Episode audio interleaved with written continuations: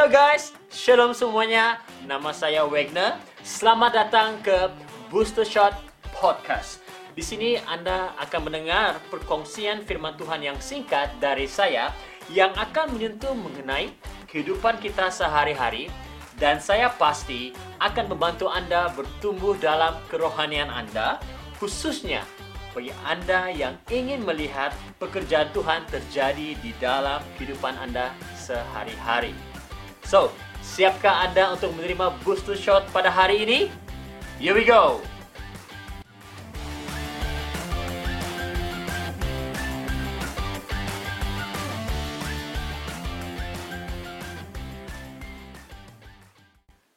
Kompas, seperti yang kita tahu, merujukan kita ke arah utara, true north.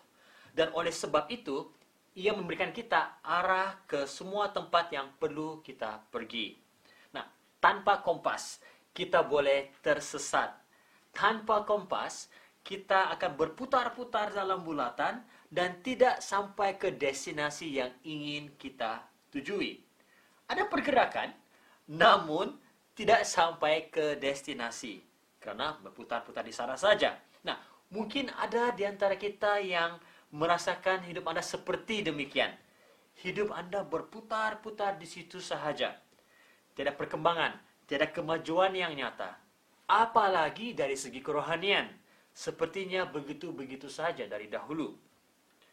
Mungkin salah satu sebabnya adalah kompas rohani Anda tidak berfungsi seperti yang sepatutnya.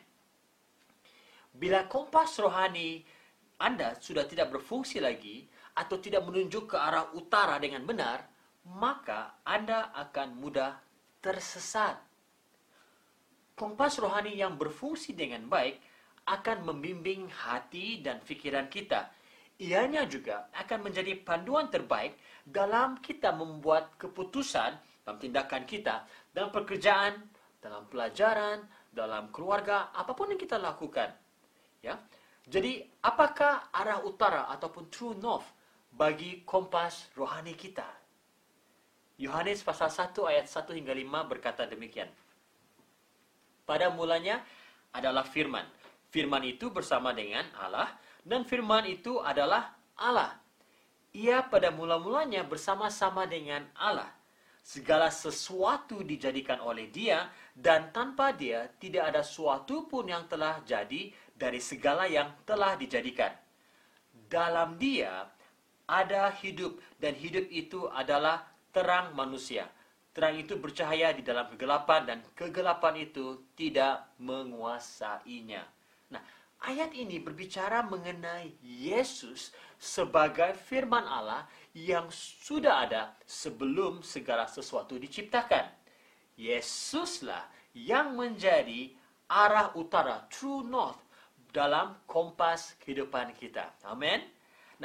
Anda tersesat dalam kehidupan Anda, cepat-cepatlah berbalik kepada Yesus. Anda mau sampai ke destinasi hidup yang Tuhan sudah tentukan? Mendekatlah ke jarum utara kompas rohani Anda, yaitu Yesus.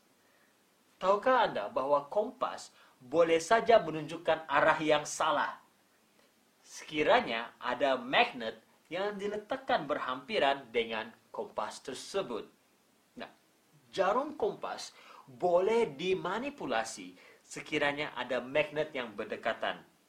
Ini mengingatkan saya, ya, apa yang terjadi dengan kehidupan kita bila jarum kompas kita sudah tidak menghala ke tempat yang benar. Dalam satu Raja-Raja pasal yang ke-11 menceritakan bagaimana Raja Salomo, ya, seorang raja yang terkenal dengan kekayaan dan hikmat kebijaksanaan. Dia juga yang uh, raja yang menulis kitab Amsal, pengkhotbah dan juga Kidung Agung. Nah, meskipun dia seorang raja yang berjaya dan dihormati, sedih sekali karena apa?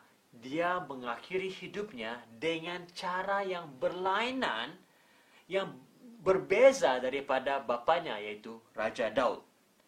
Bahkan dinyatakan bahwa Salomo melakukan apa yang jahat di mata Tuhan dan tidak sepenuhnya mengikuti Tuhan seperti bapaknya Daud. Bagaimana Raja Salomo boleh tersesat? Bagaimana dia boleh menyimpang dari jalan yang benar? Nah, ini semua bermula apabila dia mula mengahwini wanita-wanita asing. Sedangkan Tuhan sudah berbicara, Tuhan sudah memerintahkan bangsa Israel yang membuat ketetapan supaya jangan berkahwin dengan bangsa asing. Kenapa? Karena bangsa asing ini akan membuatkan hati mereka jauh dari Tuhan. Bangsa asing ini akan membuatkan mereka menyembah Tuhan-Tuhan atau dewa-dewa yang lain. Nah, inilah yang terjadi dengan Raja Salomo. Istri-istrinya sudah menawan hatinya, membuatkan dia tidak lagi memandang kepada Tuhan. Hatinya sudah menyimpang. Hatinya sudah tersesat. Akibatnya, kerajaannya terbelah menjadi dua. Ya. Raja Salomo adalah salah satu contoh di Alkitab ya bagaimana hidup seorang yang tidak terarah kepada Tuhan bagaimana hidup seseorang yang dipengaruhi oleh dunia dan bukannya kebenaran firman Tuhan apa yang menjadi arah utara dalam hidup Raja Salomo adalah istrinya dan dewa-dewa ataupun tuhan-tuhan asing. Bagaimana dengan Anda? Apa yang menjadi arah utara dalam kompas kehidupan Anda? kita yang masih hidup ini masih ada kesempatan untuk kembali mengarahkan hidup kita ke arah yang benar. Hidup kita haruslah dijalani berdasarkan kebenaran firman Tuhan. Itulah yang menjadi tanda arah ataupun tanda utara atau true north dalam kehidupan kita supaya kita tidak tersesat. So, pertanyaan saya untuk Anda semua, siapa atau apakah yang menjadi arah utara bagi kompas hidup Anda? Nah, sekiranya Anda ada pertanyaan atau komen atau buah pikiran mengenai topik ini, ya silakan type di dalam chat box dan saya akan respon kepada setiap pertanyaan ataupun komen Anda. Baik, mari kita berdoa bersama-sama. Tuhan, terima kasih kerana Engkau sudah ada sebelum dunia ini diciptakan. Engkau adalah Tuhan firman yang menjadi manusia. Dan Engkau Tuhan yang menjadi arah utara kami Tuhan. Dalam apa pun yang kami lakukan, saya berdoa Tuhan. Semua yang mendengar firman-Mu Tuhan, berkongsian pada hari ini Tuhan. Mereka Bapa di surga akan menjadikan Engkau, Tuhan Yesus, sebagai hala tuju mereka, arah utara mereka.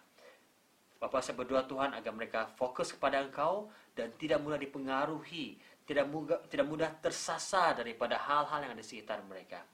Terima kasih Tuhan Yesus, berkati semua yang sudah mendengarkan uh, podcast ini. Di dalam nama Tuhan Yesus Kristus, kami bisa berdoa. Amin. Tuhan memberkati. Jumpa lagi di dalam episode yang akan datang.